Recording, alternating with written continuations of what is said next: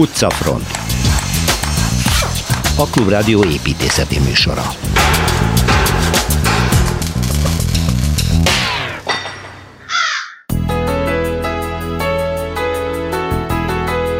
A háború véres nyomaitól a déli pályaudvar felépítéséig, sőt egészen a jelenig a vérmező szubjektív történelmi átalakulása Szilveszter Ádám személyes élményei alapján.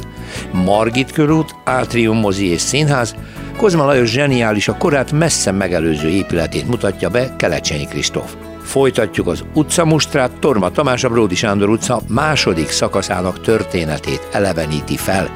Építész dinasztiák sorozatában pedig Godnang Tibor a Grégerzen építész família történetével ismertet meg.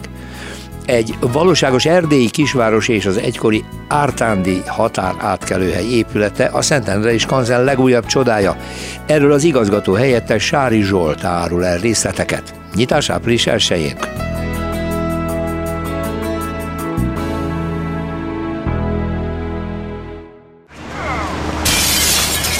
Városi tükör. Hát most nem utazunk olyan messzi, Szilveszter Ádám egyetemi tanár, Ibüdias építéssel, a szabad művészetek doktorával, mert múltkor is itthon voltunk, olyannyira, Ádám, hogy a saját házadról, saját lakásodról beszéltél, ahol tulajdonképpen Hát tulajdonképpen felnőttél, és a mai napig is ott laksz, ugye ez a kék golyó. Kék a kettő A. Kettő, de nem ez az érdekes, hanem hogy te abból a csodálatos ablakból, ami egy ilyen nyitható harmonika ablak, mikor épült 30-as 30, 38-ban. 38 onnan te a vérmezőt láttad, Igen. és te gyerekkorod óta látod a vérmezőt, ami tulajdonképpen egy történelmi film, ahogy lepereg előtted, hogy miből mi lett. Ugye ott egy repülőtér volt a háborúban. Hát igen, egy kis... Ma annak használták. Igen, kis, kis gépek. Kis gépek tudott beszállni, igen. igen. és ott tartottunk, hogy elmesélted ezt a megrázó élményt, hogy láttad, hogy a romokat, meg a hullákat, igen, hogy takarítják igen. el. Hát így indult a dolog. Így indult, és, és hát egy nagy változás pergett le szemem, minden, minden nap én néztem ezt, mert nagyon szerettem a látványt. Uh-huh. Hát a vár, Hát, ami, a sziluettje. Én, lerajzoltam ezerszer a Magdala tornyot, mert izgatott, uh-huh. hogy miért nem szimmetrikus a hagymakupolája. Aha. Engem ez mind négy éves gyereket boroszul. Már akkor. Igen. Ak- akkor kezdtem rajzolni. Na most mit kell tudni a vérmezőről? A vérmező az érdekes, mert, mert a, a budai hegyvidéknek van egy érdekes víz, vízgazdálkodási rendszere, és, és, és egy, egy patak folyik keresztül. Az ördögárok? Az ördögárok, igen. Az a Nagykovács és, és, és már elemette vizei gyűjti, és ez aztán fut, fut, fut, fut le, Hűvösvölgyön keresztül, Városmajoron keresztül. Érdekes, hogy az árkai apa-fia temploma, az azért nem épült együtt a, a gyönyörű tornyával, mert ott folyt keresztül. A, és még nem volt lefedve? Nem volt lefedve, igen. Az Csak az, utána lehetett megépíteni igen, a torony tehát a 20. század első felében nem volt lefedve, és, és a 35-ben épült templomnál idejében sem volt lefedve. Ez aztán fut keresztül, a vérmező területi már le, az, az, az kezelt volt, és aztán folyik ki, ugye az ember leékedik az Erzsébet híd Budai híd félre. Amit kell tudni, az Attila utca határolja a vároldalon, a másik az a Krisztina körút, és akkor van egy rövid utcások, a Mikó utca. Ez, ez egy érdekes terület, mert 1400 években egy lakott terület volt tulajdonképpen, legalábbis egy kis része, egy Logod nevű falu.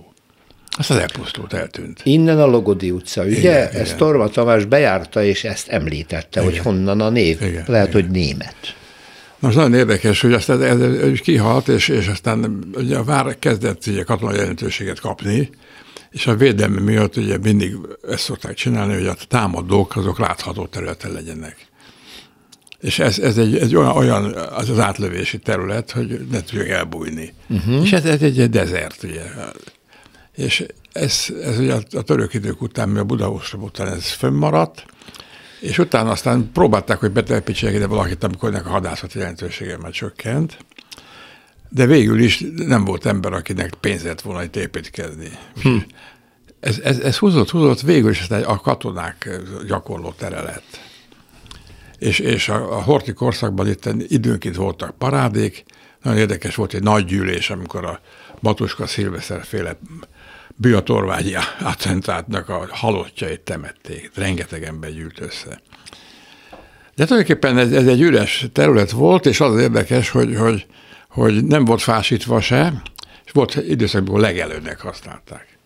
Amikor ez fölé lett, az, attól kezdve ez tulajdonképpen a második világháború után került abba a státusba egy zöld, zöld terület és egy művelt park lett, aminek volt egy óriási nagy ledítő ereje, hogy a várban keletkezett sittet, amiről múltkor beszéltem. Igen.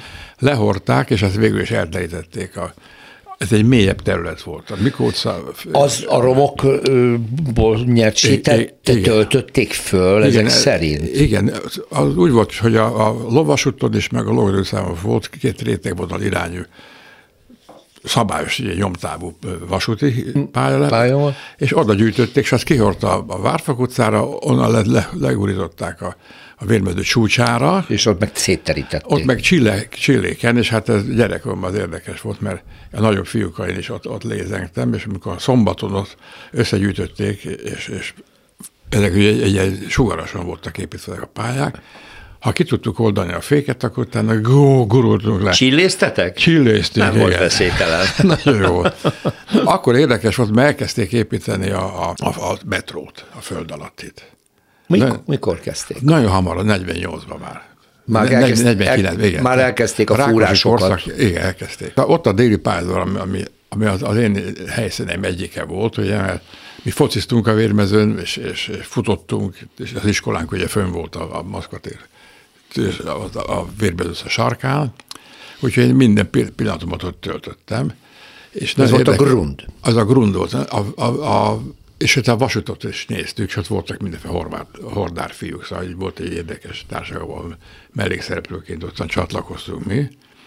És az érdekes volt, hogy, hogy volt egy, egy fordítókorong.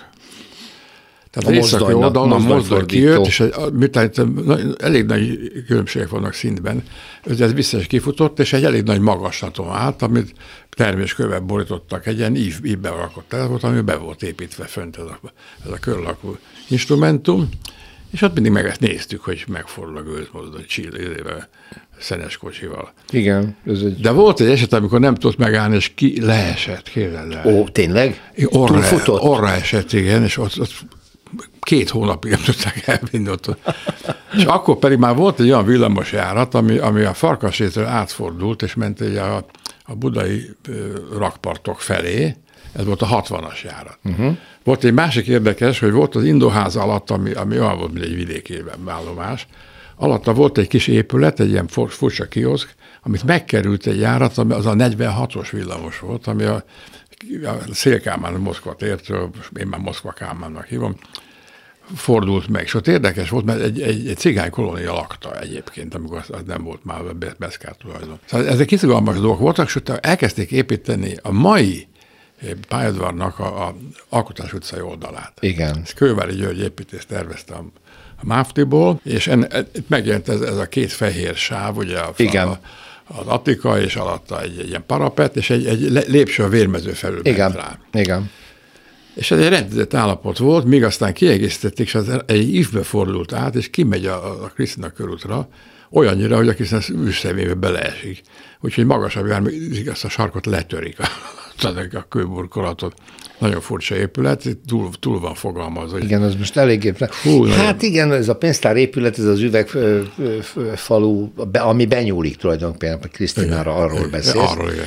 Hát ez egy rendhagyó, izgalmas megoldás egyébként. Hát nagy vonal csak sosincs benne ember. Szóval hát túl igen, van, igen, túl van méretezve. Ugyanakkor a peronok nincsenek lefedve, szóval fú. No, vérmező, Na, még vér... egy mondat rá, hogy befejezzük. Az, az, hogy nagyon érdekes, hogy, hogy Ugye a 30-as években az, ez egy jó terep volt, mert rengeteg eh, első világháborús sérülés volt, és, és, és, és ott az Attila utcát az, az remek épületek szegélyezik már. Már igen. Tehát például van, van a érdekes hogy a Major Mátének egy ismeretlen épület, ami a Maros utcával szemben az ember átmért egy szürke épület, de jó, modernista. Uh-huh. Szóval nagyon szép, az Györgyi Dénes csinálta, az elműnek van egy ilyen teherelosztója, ami, ami a hegyfelé oldalon van, egy gyönyörű ház. Abban majdnem sikerült lakás szeretni lakás cserével. De aztán Maradtatok a két golyóban. Nem, akkor én már, akkor már Bemucában, akkor már egy házas ember volt, ja. két gyerekkel, és kinőttük a Bemucai lakásunkat, és gondoltuk, De egy még jobbat csíptem, mert arról kell majd beszélni, ez a Margit körül 56, ez zseniális. Arról mindenképpen fogunk beszélni, mert már egyszer említetted, hogy az, az egész Margit körúton nagyon érdekes és zseniális Igen. modern épületek vannak. Hamarosan Kelecsényi Kristóf egyébként az Atrium mozi épületéről fog most Na, ebben a műsorról beszélni, úgyhogy mondom a hallgatónak, hogy Na, maradjon velünk, fonolunk, akkor. akkor kapcsolódunk Szilveszter Ádám történeteihez, és akkor jövő héten folytassuk. Köszönöm, hogy itt voltál. Szia! Én köszönöm. Budapesti séta. Minden mindennel összefügg, mert Szilveszter Ádámmal itt a Margit körút épületeiről már ejtettünk szót, és Torma Tamással pedig, amikor a Szabadságtérről beszéltünk és környezetéről, akkor pedig Kozma Lajosnak a híres budapesti műhelyéről is volt szó, és akkor mondtam, hogy na, akkor még megyünk tovább, mert most is Kozma Lajosról lesz szó, hiszen Kelecsényi Kristóf arról a híres Margit körúti épületről beszél, amit mi átrium moziként ismerünk. Szerbusz Kristóf! Szervusz. És ami egy fantasztikus, csodálatos, modern épület. Bizony. A, bizony. Sokszor hallottam építészektől, hogy idol, hogy ez egy idol. Igen, ez, ez, ez kétségtelenül egyfajta csúcs teljesítménye az 1930-as évek Pesti bérház építészetének. Sok épületről lehet mondani, hogy, hogy kiemelkedő, de itt tényleg nem túlzás, és hát ugye ráadásul nem csak egy bérházról van szó, hanem a bérháznak a földszintjén, Igen. a moziról is, ami hát ugye hálégnek a mai napig, ha nem is teljesen moziként, de ugye létezik, és megvan, és hát a belső építészete is azért lényegében ma, a mai napig érzékelhető, hogy itt mit alkotott Kozma. Ugye hát a Kozmáról már ejtettetek pár szót, akkor én most nagyon rá nem akarnék kitérni, de úgyis a, a, a házról, amit elmondok az alapján, körvonalazódik az ő karaktere, de amit a leginkább talán kiemelnék ennek a háznak a kapcsán, nincsen rá bizonyítékom, vagy hát nem áll az állítás mögött olyan nagyon mély kutatás, úgyhogy csak annyit fogok mondani, hogy valószínűleg ez az elsők között van, hanem a legelső olyan ház Budapesten, Magyarországon, ami ezt az úgynevezett szalagablakos megoldást ugye vezette az egész homlokzatán. Hm.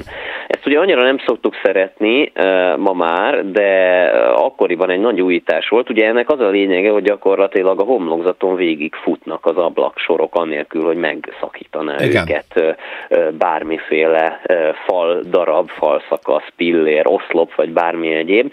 Persze ez látványban igaz csak, mert azért persze ott van a homlokzat mögött az a vasváz szerkezet, amire alapvetően Kozma ugye föl tudta építeni ezt, a, ezt az épületet és ezt a homlokzatot, de ez az egész vasvázas építési rendszer Magyarországon nem, nem volt annyira elterjedt, inkább vasbeton vázzal dolgoztak a tervezők, és hát a Kozma volt az egyik azoknak az építészeknek, aki azért aktívan kísérletezett ezzel, és hát a vasbetonvázhoz képest ugye annyi előnye van, hogy a szerkezet az tulajdonképpen még filigránabb, még vékony hatékonyabb tud lenni, és hát ez az, ami a, a homlokzaton meg tud nyilvánulni, tehát hogy e, tulajdonképpen alig észrevehető, hogy a, a helységek közötti fal az ugye hol fut neki az ablaknak. Ez ugye belülről azt jelenti, hogy ez, a, ez az ablak mint egy szalagként fut végig a, a egyik faltól a másikig, tehát a teljes felületen tulajdonképpen ablak van, hát kivéve alul, de tulajdonképpen Kozmának a szerkezet azt is megengedte volna, hogy teljesen üvegfelületű homlokzatot csináljon. Erre azért nem került sor. Nyilván ez lakásoknál nem is annyira ideális, ma is inkább irodáknál szokták ezt csinálni, de egy elképesztő modern dologról van szó. Ugye 1936-ot írunk, amikor felépül, tehát a Margit hídon itt azért még, vagy Margit hídon, bocsánat, Margit körúton ugye itt azért még bőven állnak ennek a rózsadombi ilyen szőlőművelésnek és gazdálkodásnak is az ilyen földszintes egyemeletes kis gyakorlatilag parasztházi jellegű emlékei, és hát megjelenik itt ez a, ez a ház, egy, egyébként fantasztikus éjszakai képpel, tehát a mozi maga azokkal a világítási eszközökkel, amiket Kozma tudatosan megtervez, ismerve a műfajt, tudva, hogy egyébként a mozi üzemeltetői aggatnák ugye tele mindenféle nem feltétlenül ízléses reklámokkal, ő hatalmas fényárt tervez ide a portálhoz, az előtetőből jön a fény, az oszlopok meg vannak világítva, az előcsarnok meg van világítva, megtervezi a feliratok helyét, a feliratok betűtípusát, tehát mindent, mindent mindenre gondol a mozi kapcsán is, és hogyha ezt a gondolatiságot fölvisszük a lakásokba, hát ott is olyan dolgok vannak, amik ma mondjuk már egy fokkal természetesebbek, de még ma se általánosabb. Például beépített hűtőszekrény volt, hm. az beépített konyhabútor, és mindez egységesen 30-as években. Hm. Kozma tervei alapján. Igen, mert ugye ő az, aki, aki mindent, még a kilincset is megtervezi. Így van, sőt, hát a rossz nyelvek szerint még a házi úr pizsamáját is. Ugye ezt a, a modern építészekkel szemben elhangzó anekdota, hogy ugye leszídja a megrendelőt, hogy hát miért ilyen ízléstelen ruhában van az épületben. Tehát, hogy, hogy tényleg e, az a fajta gondosság, ami azért azt gondolom, hogy ma, ma, ma sem jellemző. Tehát, hogyha ma épül egy új ház, ami mondjuk egy kicsit jobb minőségű, a bútorokat, a bútorok beosztását, hát megtervezik ugyan, de hogy mondjuk ezek egyediek lennének, az nem biztos már, e, és hát persze Kozmanál se volt az utolsó székig minden egyedileg megtervezve, de a beépített bútorok egész biztosan, és hát ő válogatta hozzá tulajdonképpen az egész, egész, egész e, berendezést is, a konyhában, a fürdőszobában, tehát tényleg egy olyan dologról van szó, ami akkoriban olyan elképesztő újdonság, és hát mondanom sem kell, hogy luxus volt, hogy a mai napig e, csodaszámba megy. És a mai napig úgy tekintünk rá, mint az egyik legmodernebb épületünkre és hát magának az, a mozinak ugye az előtere, a fekete-fehér üvegborítások, és az a világítási rendszer, amit mondtál, nyilván az a maga korában még, még speciálisabb lehetett, hát tényleg pompás és lenyűgöző, úgyhogy ne csak a, a programra menjenek, hanem ezt a házat, hogyha valaki szemügyre veszi, akkor most már, ahogy Kelecsényi Kristóf leírta nekünk, ezzel a szemmel is vizsgálja meg. Köszönöm szépen, Kristóf. Szia! Köszönöm, szervusz! Perspektíva. Levelet kapott Torma Tamás építészetkritikus, az Egyhelyblokk szerzője, Szervusz Tamás. Szervusz Péter, üdvözlöm Egyik a hallgatókat. Völgyi Márta írt egy csodálatos levelet, hallgatva a Bródi Sándor utca első szakaszáról elmondottakat, amiket meséltél, miután ő kötődik ehhez az egész utcához. Ez fontos hozzátétel, mert ugyebár az úgynevezett köztudások, tehát egy, egy kívülálló számára érdekes dolgok, azok nem ugyanazok, mint, mint aki ott bent élt. Igen, ott. igen, és akkor megemlékezett rögtön a Bródi Sándor utcában a Schwarzbácsi zöldségeséről, ami rendkívül híres van, a versikékkel hirdette az mhm. áruját, uh-huh. és mindenki oda járt. Nagyon sok helyszínről ír, ahol neki személyes és családi kötődése volt, hát ott van például a Szabó cukrászda már a Gutenberg térhez közel.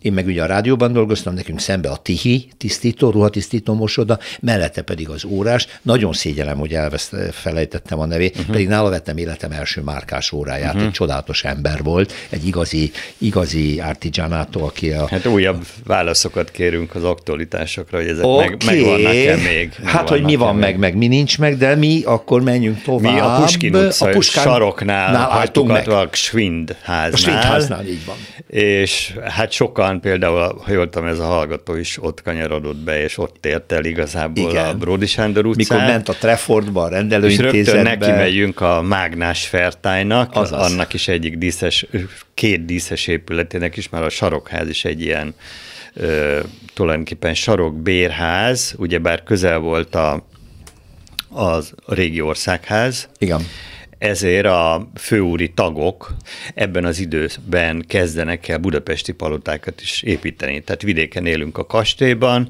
és, és van Budapesten palotánk, És van egy Budapesten palotánk, először csak egy ugyanolyan kastélyszerű palota Igen. volt a divat, de aztán a vállalkozók kedvűbbek rájöttek, hogy ez nagyon dübörög ez a dolog, és akkor bérpalota. Az Andrási az nem bérpalota, van a Festetics a sarkon, ami most a, azt hiszem Német Egyetem, épülete.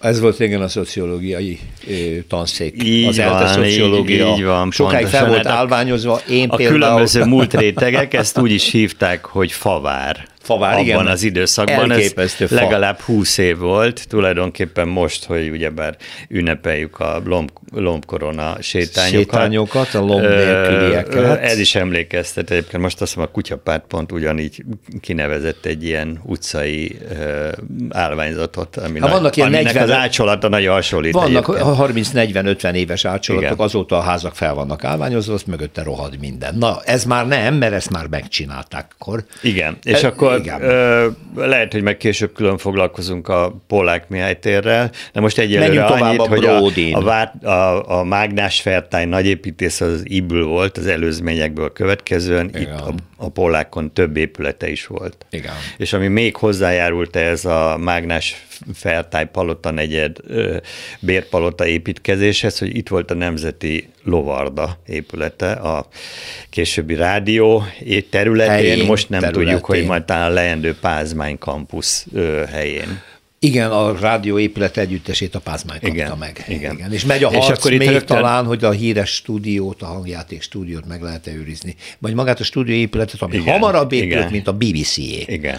És, ez egy és akkor, ha így haladunk tovább a Bródin, akkor Na, elérünk a a már emlegetett kéményseprő házhoz, házhoz, ami talán az utca legrégebbi, talán azt hiszem egy olyan ház van még, ami egy kb. azonos magas volt. Ez is egy bővített, tehát fölszintesként kezdte az életét. Most Még a Téglavető utcában, és aztán később ezt bővítették. Tehát és ez miért legalább... volt kéményseprő? Céhes volt? Céhes ház volt? Hát mondhatjuk annyiban, hogy a, a kéményseprő ipart nagy üzemben az olaszok hozták el hmm. Magyarországra, állítólag már Mátyás király idejében is, ahogy ez szokott lenni, hogy a, a, az ősöreg tölgyfalat kiüldögélt.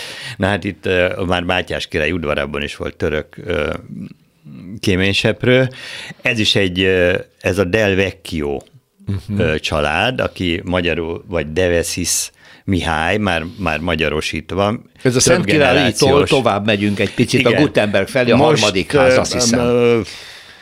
Egy biztos, hogy azért hívják kéményseprőháznak, van egy szobor Igen. rajta. Igen, Pontosabban általában, vagy ké, korábban volt egy szobor, most levették, levették? mert restaurálják. Ja, ugyebár az épület átalakulás alatt áll, hogy úgy mondjam, tehát ezt is megvásárolta a Pázmány uh-huh. kampusz építkezés, és azért, mert ez a telek illetve ez a ház és a hozzá tartozó nagy telek még őrizte a régi városfalon kívüli ö, utcaképet, uh-huh. ahol hát a, a nagyon hosszú szántó vagy ö, mezőgazdasági terület végén volt egy házikó. Uh-huh. És ez a ház ez összeér Ellalakban a Szentkirei utcai kampusz, kampusz hátujával, tehát ezt össze fogják, össze fogják, össze fogják hozni.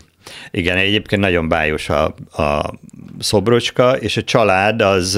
Ez az olasz család? Ez az olasz család, ez egészen a, a 20. század elejéig többé-kevésbé lakta. Ez a család alapította meg a magyar kéményseprő hát már nem cég volt, nem tudom pontosan, akkor egyletet egy talán, lehetett, igen. ahogy hívták. Az épületet ezt az 1860-as években már bővítették, és aztán volt elég díszes volt, a kapuja is egyébként, ez 56-ban a közeli rádió ostrom idején szétlőtték, és ez egy nagyon csúnya vaskaput. Raktak a helyére, Kaptak igen. Később ezt talán az öregebbek, mint én ismerik, a maiak meg már nem, ugyebár ott talán le is van zárva most ez a Nyilván. Rész. Menjünk tovább. 17-es szám. No. Ez is egy bérpalota, méghozzá egy Podmanicki bérpalota, ő felsőházi tag volt, de hát a felsőháziaknak is jó volt a környék, hiszen ők a, a Nemzeti Múzeum emeletén üléseztek akkoriban. Ez is egy bérpalota volt, amit aztán később bővítettek. Egyébként hát más értelemben talán még arról híres, hogy ez Kádár Béla lakott uh-huh. ebben a házban, tehát a festőművész Kádár Béla. Uh-huh. Elérünk a sarokig, a Horánszki utca sarokig, és tulajdonképpen ez a nagyon díszes ház, aminek én most egy kávézó van a, az alján, és föl is hívja magára a, színével, formájával, eleganciájával a figyelmet, ez a Horánszki utca egy. Ez egy egészen különleges ház, nem tudom, hogy alakult így, de tehát, mint egy ilyen szép happy endes történet, tehát egy olyan rendkívüli társasházi közösség van. Először is blogot csináltak hosszasan aztán uh-huh. már nincs meg a blog, mert szétköltöztek a fiatalok, akik eh, alapították, de a lépcsőház rendkívül rendezett, a házban lakó képzőművészek képei, virágok, zöld növénytermet, ez magától értetődő, de hogy képek vannak a falon, tehát mint hogy egy galériába mennél be, az azért, az azért elég ritka. Nagyon, nagyon Elég eh, érdekes a tervező páros, mert ezt Bauhausnak mondják, felületesen természetesen nem az, hanem egy mondjuk úgy, hogy modernista Épület, igen. ház.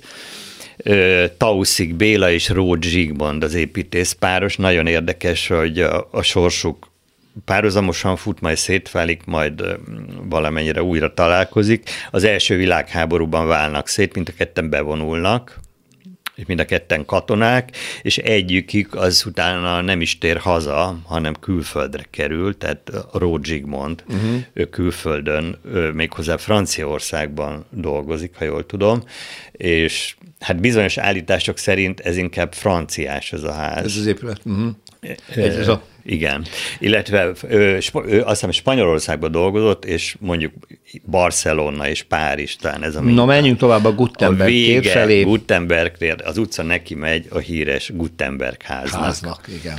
Ugye az ezt a vágó testvérek tervezték, rendkívül híres, érdekes, hiszen... Impozáns, és az aljában óriási nem... színászterem volt valamikor. Így van, így van a vágó testvérek idején ugye ezt a nyomdászoknak, és nem is olyan könnyen, mert nem nagyon kaptak engedélyt, de aztán végül csak megkapták.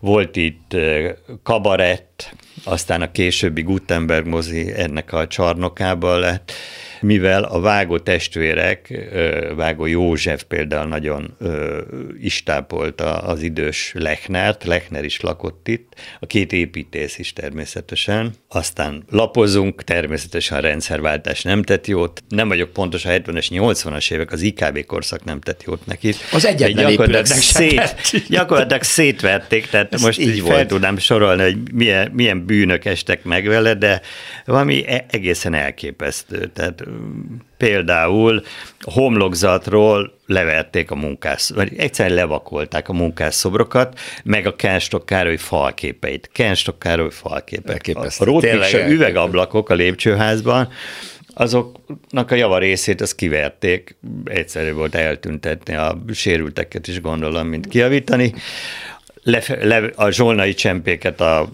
a gangon, leverték, stb. stb. stb. Szóval rendes pusztítást De végeztek. aztán valamikor, talán a 2000-es évek elején azért ez már inkább a társaság közösség egy, egy komoly felújítást azért végrehajtott. igen. És látszik is ez a nagyon szép ha belépünk a kapun, akkor a földön egy ilyen nagy ö, embléma uh-huh. látható. Én utoljára szegény Heller Ágnesnél jártam. Igen, mert ő, ő ott lakott. Torma Tamás, köszönöm szépen. Brody köszönöm. Sándor utcát végigjártuk, következik majd jövő héten, meglátjuk melyik. Utcafront.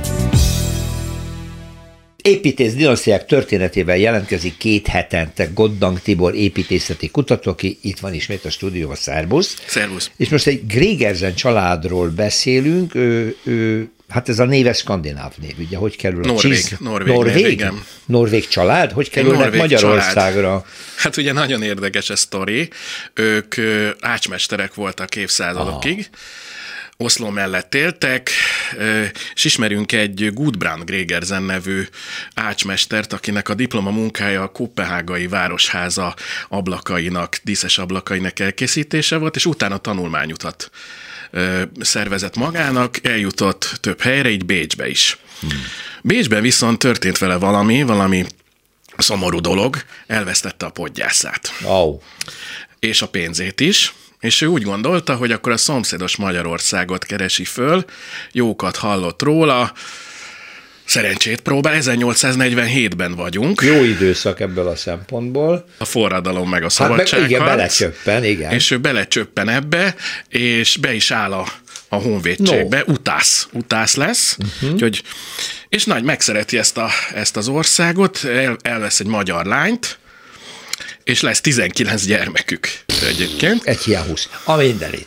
Igen, és ugye ezek közül sokan az apjuk hivatását űzik tovább. Ácsok, Ácsok lesznek, mérnökök, uh-huh. mérnökök lesznek, van köztük építészmérnök is. Azért még maradjunk egy kicsit még a, a Gudbrandnál, mert ő azért itt elég sok mindent tett a vállalkozása keretében ö, elsősorban ácsmunkákat végzett, de kivitelezést is, így például hídakat, utakat, vasutakat ö, kivitelezett, például a Szolnoki Tiszahidat, a budai indóházat ő építette. Fontos munka ez országház maga, az országház ács munkája. Aha, tehát ő volt a fő ács. Az ács, a hát az szépművészeti, az szintén hatalmas. Szépművészeti, több színház kivitelezésében is részt vett, és gyakorlatilag ami hídépítés, vasútépítés ott volt. Ott volt, ott volt ő. Nagyon gazdag lett. Az ország egyik legnagyobb adófizetőjévé vált, telepeket létesített Erdélyben, felvidéken is. Aztán jött az első világháború, ami nem tett jót a cégének sem, úgyhogy 1921-ben ezt a céget, ezt a családi céget felszámolták. Hát addig azért a gyerekek vitték az ipart, tanultak, mérnökök lettek. Ebből a 19-ből három fiút emelnék ki, Grégerzen Györgyöt, Hugót és, és Nilst. És ezek közül Grégerzen György hídépítőmérnök lett, Hugo építész lett, de őnek is sajnos egy korán jelentkező elmebaja volt, ezért gyakorlatilag nem tudta gyakorolni a hivatását mm-hmm. később. És a Nils? És a Nils, ő meg a, ő meg a vállalkozó lett, ő vitte valamilyen szinten tovább a céget, ő is egyébként mérnök lett, és mindegyik be, be, bekerült a kamarába, a mérnök kamarába. Tehát akkor mindhárman nagy... maradtak Magyarországon ezek szerint? Maradtak, maradtak Magyarországon, és akkor elérkeztünk a harmadik generációhoz. Ő ifjabb Grégerzen Hugo, aki Grégerzen Hugo második gyermeke volt. Uh-huh. Ő 1889-ben született, és tulajdonképpen ő a két világháború közti magyar építészet egyik, egyik fontos szereplőjévé vált. Felsőipari iskolába tanult, aztán iparművészeti iskolát is végzett, és elég jelentős volt, mint festő is. Elvette egy, elvette egy Lux Alice nevű szobrászművésznőt, ami azért fontos, mert a, a később az épületének a legtöbb szobrászati, épületszobrászati munkáját ő, ő végezte és ezt láthatjuk is egyébként Budapesten több helyen. Hugo egyébként Münchenben is tanult politechnikumot. Őről azért ismeretes az, hogy, hogy ő preferálta magas magas házakat, a felhőkarcolókat. Ő tervezett felhőkarcolót a Rókus Kórház helyére is, ugye egy ilyen pályázat keretében, vagy szabadságtérre, ugye voltak akkor ilyen pályázatok, és ő ezt próbálta elterjeszteni az országban. Aztán 1929-ben... Nem, nem építették meg. nem építették meg, ugye, amit mert ugye egy, lát... Tehát egy ilyen torony épül, építészünk volt, ha mondhatom, ugye, Komor Marcel, aki hát nem tudom milyen magas volt a Fiumei úti nyugdíjintézetnek a középső rizalitja, az lényegében egy torony, igen, egy, igen. egy felhőkarcolószerű épület volt, csak aztán visszabontották. Statikai okok miatt igen, is, igen. igen. Igen, igaz, jóval Jó, magasabb volt. meg csak tervezett toronyházat. meg álmodott. Álmodott. Ö, aztán ugye volt egy historizáló korszaka is, az egyik családtagnak a Rágyörgy utcába a 20, 36 alá tervezett egy, egy historizáló villát, aztán a 30-as években váltott, és akkor jött ez a modernista korszak, ami ugye egyébként az egész építészet, Igen. magyar építészetben általános volt. Ő nem ezt a Bauhausos minimalista, letisztult vonalat követte, hanem inkább ezt a historizálós és árdekó elemeket is belerakott az épületeibe. Mondok néhány, néhány művét, Lilium, Lilium utca 6, Bakács utca 2, vagy Margit körült 69. Ezek lakóházak? Lakóházak, lakóházak. Bem József utca 24, Böszörményi út, 17. Uh-huh. És talán a legismertebb az a Móri Zsigmond körtéren látható, ez a homorú épületsor, igen. Ott a középső kettőt tervezte ő. Ő tervezte. Uh-huh. A középső kettőt. Többen magával tervezte ezt, a középső kettőt tervezte ő. Aztán jött 1945, mm, túlélte a háborút, és 45 után is aktív maradt. Részt vett például a Központi Statisztikai Hivatal felújításában, Bátonyterenyén iskolát tervezett, aztán 50-től nagy államosításoktól ő is be, belépett egy hogy be, betették egy, egy intézetbe. Be kellett lépni igen, a tervezői igen. központi irodák valamelyikébe, mert ugye a magán tervezői irodákat teljesen felszámolták 45 után. Igen, igen, és ő a mezőtervbe került, aztán a kertibe, uh-huh. tehát ipari, ipari épületeket tervezett, például a penicillin gyárat Debrecenben, vagy hűtőházakat Győrbe. Aztán 1956-ban ő is részt vett a divatcsarnok és a Gundel étterem felújításában, átalakításában, és nagyjából ez volt az utolsó nagyobb építészeti munkája. 1975-ben halt meg, és a gyönyörű sírját azt az özvegye, a szobrászművész özvegye tervezte, ami látható is, nagyon szép alkotása a Farkas, Farkas temetőben. Igen, van, tehát igen. ő akkor Grégerzen Hugo. Igen. Ifjabb Grégerzen Hugo. Ifjabb, és neki is vannak nyilván gyerekei, bár nem tudjuk, hogy ők terveznek-e, vagy építésznek. Igen. Ismerek Grégerzent Magyarországon, de nem, tudom, nem tudok róla, hogy ők ebbe a szakmában maradtak-e. No, egy újabb családot ismertünk meg Gondak Tibortól, köszönöm szépen. Én is Folytatjuk köszönöm. két hét múlva, jó? Rendben. Köszönöm. Magas lesen. Kinyit a Szentendre is Kanzen végre, elsőjén újra mehetünk, és hát valami elképesztő mi minden történt, hiszen alig néhány héttel ezelőtt Sáris Zolta, a Szentendre és Kanzen igazgató helyettese már itt volt a vendégem, és most is itt van, jó napot kívánok. Jó napot kívánok. És akkor elmesélte nekünk azt a fantasztikus vállalkozást, hogy a magyar diaszpora emlék épületei közül egy amerikai, egy dél-amerikai és egy izraeli kibuc épület idehozatala a nagy program, most viszont valami egészen kelet-európai élményben lehet majd részünk. Azt mondom, hogy határfrász. Akkor ezzel úgy elmondtam, hogy lesz egy olyan épület, vagy van egy olyan épület, amit szerintem sokan ismernek. Én ismerem, mert Ártánnál elég sokat mentünk át Romániába. Tehát nem túl jó emlékeket, hogy ez micsoda, és mi lesz ebből? Tavaly májusban adtuk át a, az úgynevezett Erdély épület együttesünk első ütemét, Ja, hogy az az első ütem Igen, csak. mert hogy a, a teljes projekt az 100, majdnem 150 épületet jelent. Hát ez egy település. Igen, ez egy, ez egy település. Azt Ugye a, azt szoktam mondani, hogy a, mind szakmai, mind látogatói szempontból egy nagy adósságunk, a, mint nemzeti közgyűjtemény, hogy hogyan mutatjuk be a határon túli magyarság Igen. kultúráját. Erdély ebből a szempontból teljesen önálló egységet kell, hogy képviseljen, mert épp, ugye Skanzen az alapvetően egy építészeti indítatású múzeum. És a népi építészetet nézzük, akkor Erdély egy önálló építészeti Igen. zóna, ilyen más nincs, nincs, hiszen akár a felvidék, akár Kárpátalja, a délvidék, a politikai határok miatt ez nem kulturális határ. Tehát nincs kulturális határ, teljesen mindegy gömörnek innenső vagy onnansó oldalát nézzük, építészetileg életmódfortjában ugyanaz. És ugye például az Észak-Magyarországi falu tájegységünkben ezt meg is tudtuk valósítani, hiszen a gömöri kisnemesi épületünk az a határ túloldaláról, Nemesradnótról származik. Hmm. Tehát ott ezt a, az egységes kulturális zónát be tudjuk mutatni. Igen. Erdély ebből a szempontból egy unikális önálló építészeti zóna.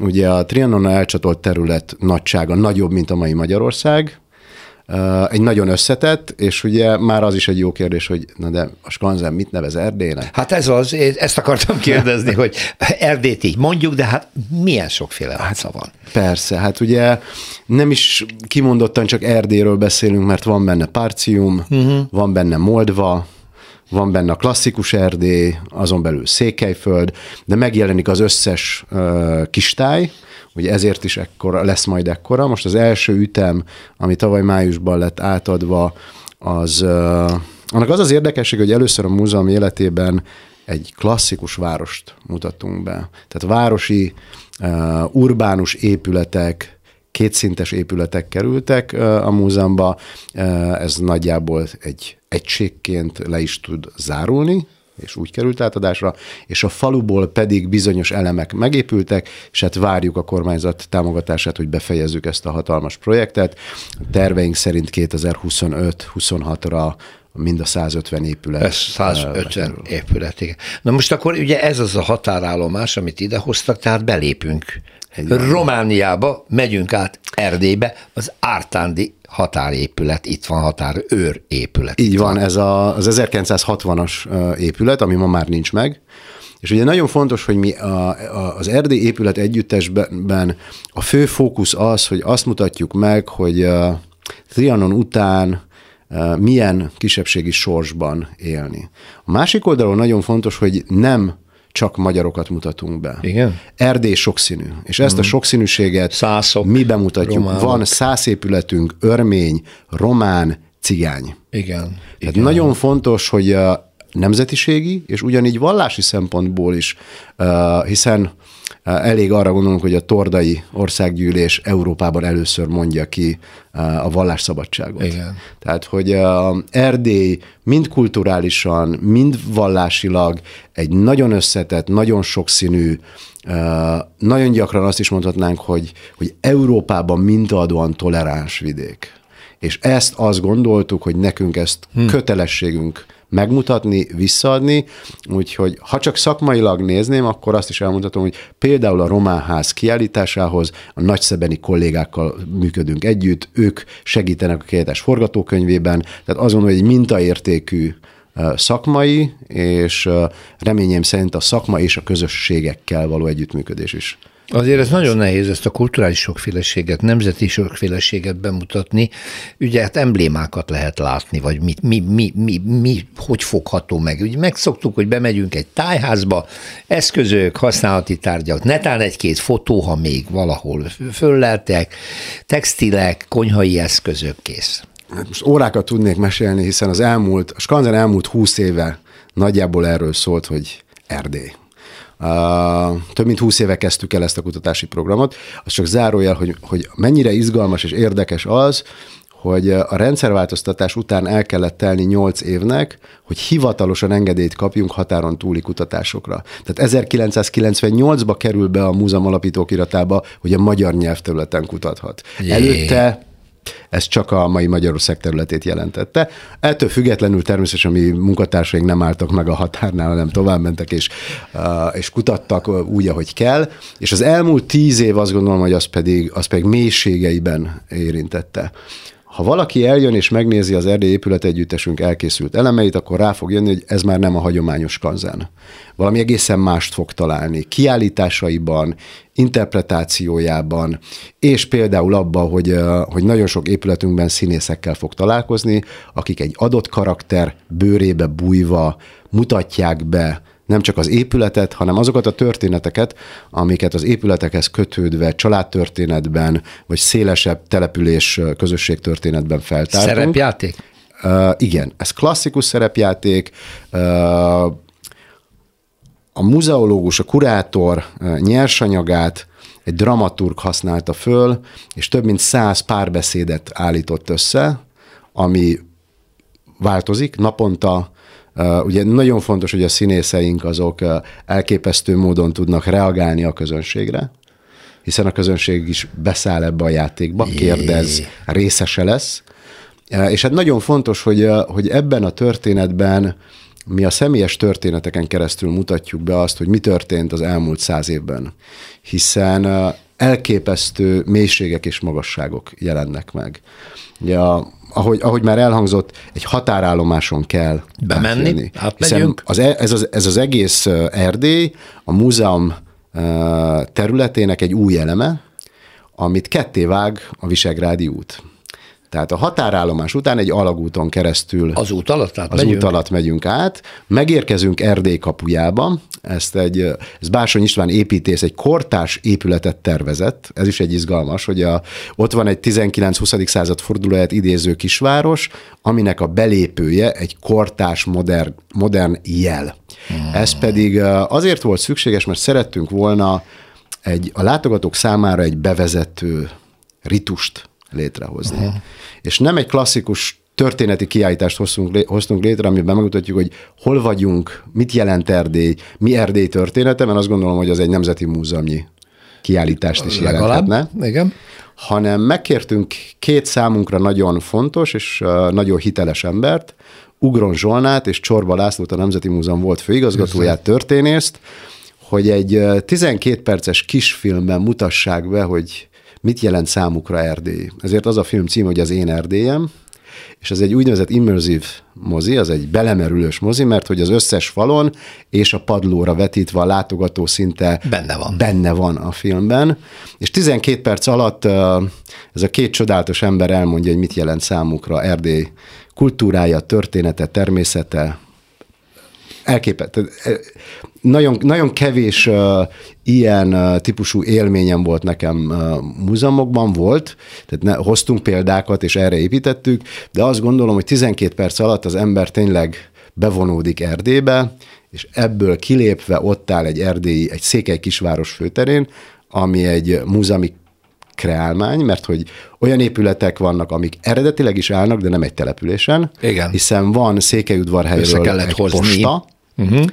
Van kézdivásárhelyről egy udvartelkes épület, aminek a frontján egy örménykereskedő divatárüzlete, mögötte egy asztalos műhely, az emeleten a családnak a, a lakása. Marosvásárhelyről van egy nyomdánk, és van egy kávéházunk. Székelykeresztúról van a Jégerpatika, és hát az én személyes szakmai kedvencem, hiszen ezen dolgoztam éveken keresztül, Sepsi Szentgyeiről a Kóskároly tervezte úgynevezett keresztesház. Jé. Uh, és ezt egy, ez, ezek az épületek egy városi főteret, főteret fognak alkotnak közre, aminek a középpontjában, a fókuszában a Sepsiszentgyörgyi 1848-49-es emlékmű áll, annak a másolata. Itt minden másolat, hiszen eredetileg állnak még ezek az épületek. Persze. A különlegessége az, hogy ebben a formában viszont sehol, soha nem látható, hiszen mi az 1900 1910 és 1930 közötti állapotokat rekonstruáltuk, mind külsőleg, mind belsőleg, és maga az emlékmű sem ebben a formában áll ma már, hiszen az elmúlt évszázad történelmi viharai megtépázták ezt az emlékművet is. Mi megpróbáltuk a dokumentumok és a fotók alapján rekonstruálni azt az állapotot, ami eredetileg ezt jellemezte. És ahogy mondtam, itt elképesztő történetek jönnek elő. A posta épületében azt az állapotot mutatjuk be, amikor 1919-ben a román hadsereg bevonul uh-huh. Székelyudvarhelyre, és a postahivatalt vezető családfő döntési helyzetbe kerül. Aláírja az esküt az új román uralkodóra és az alkotmányra, vagy nem. És, a feleség, és ez egy valódi családtörténeten alapuló történet, hogy a feleség, aki állapotos, kilencedik hónapban van, kéri a férjét, hogy írja alá, Igen. a férj pedig nem akarja, és nem hajlandó. És aztán a történet, amit a, amit a két színészünk nap mint nap előad, és amikor külföldi vendégekkel vagyok, akik nem értik a magyart, a, a két ember közötti feszültségből rájönnek, hogy, hogy, hogy, mi, zajl, szó, hogy miről, Igen? Mi, mi zajlik itt. Mit, a családtörténetből tudjuk, hogy végül nem lett aláírva. Igen. Eskü. Tehát az a... Ennek az eredménye az, hogy az Aldunára kitelepítik, kitelepítik őket. őket. igen. Aztán az ő életük szerencsésen alakul, mert aztán Magyarországra tudnak költözni, és aztán Dávid úr, a, a postaivatal vezető Budapesten tovább tudja a karrierjét építeni.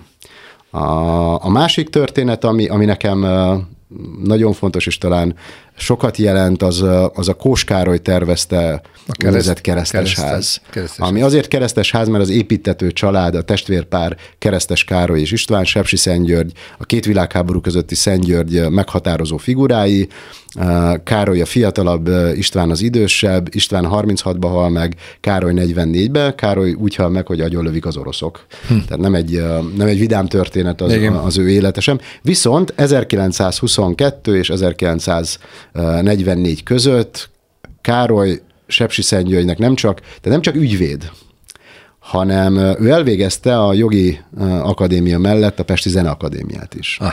Zeneszerző. Népdalokat gyűjt Bartóknak, Kodálynak. Bartók 1927-ben ebben a házban pihen egy hetet, majd ráveszik, hogy adjon koncertet Sepsi Szentgyörgyön. Ennek a koncertnek megvan a programja, és akkor ez az egyik uh, trüvája kiállításban, az egyik hely, uh, szobában egy hangvizualizációs kiállítást csináltunk, aminek az a lényege, hogy az eredeti Bartók koncertprogramból azokat a darabokat választottam ki, amikből van eredeti Bartók hanganyagunk. Hm.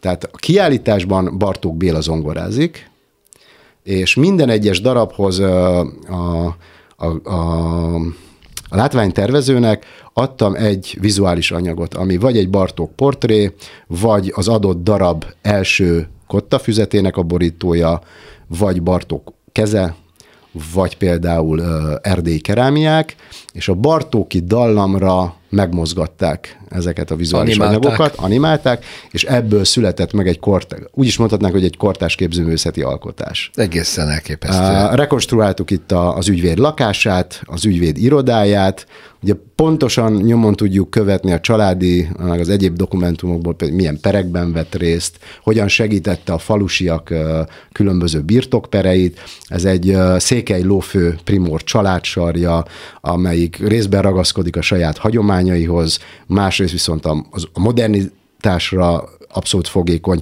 autója van a 20-as évektől.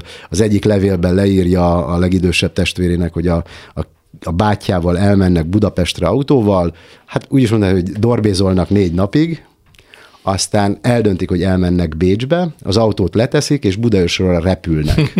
és ez a 30-as évek eleje. A, Auszti- a, a, a Olaszországba járnak nyaralni. Nagyon izgalmas, hogy vesz részt a közéletben, a magyar pártnak a háromszéki főtitkára, tehát politikai vonatkozása is van. A zene, a kultúra, ő a Székely Nemzeti Múzeum egyik igazgató tanácsának a tagja, és a, az összes kulturális rendezvényt a két világháború között ő szervezi a múzeumban, a koncerteket, és már akkor megelőzi a korát, mert hogy az általa gyűjtött népdalokat feldolgozza, előadja, de úgy adják elő, hogy azokat a parasztlányokat hívja be faluról, akiktől gyűjtött, és ők énekelnek a koncerteken. Ami azt kell mondani, hogy néprazosként is egy ilyen elementáris erővel hatott ránk, hogy úristen, hát ez, ezt, így, ezt, meg. De így kell így megszólítani. Volt. Tehát, hogy ez amikor, így volt. amikor nem csak adatközlő, hanem, hanem színpadra is őket hozza. Hát gondolom is, hogy ezáltal a látogató ott van. Abszolút. Tehát ö, olyan, olyan élet veszi körül, az egykori autentikus erdélyi élet veszi körül, ahol személyes sorsokon keresztül rekonstruálhatom. Úgyhogy ez valami egészen csodálatos, amit most itt hallottunk Sári Zsoltól, úgyhogy szerintem családok százai kerekednek most föl, és Reméljük, irány, várunk mert most már nyit a Szentendrei skanzen, úgyhogy a igazgató helyettes úrnak nagyon köszönöm ezt a beszámolóját, és tudom, hogy egy csomó program készült, tehát várjuk vissza. Köszönöm szépen.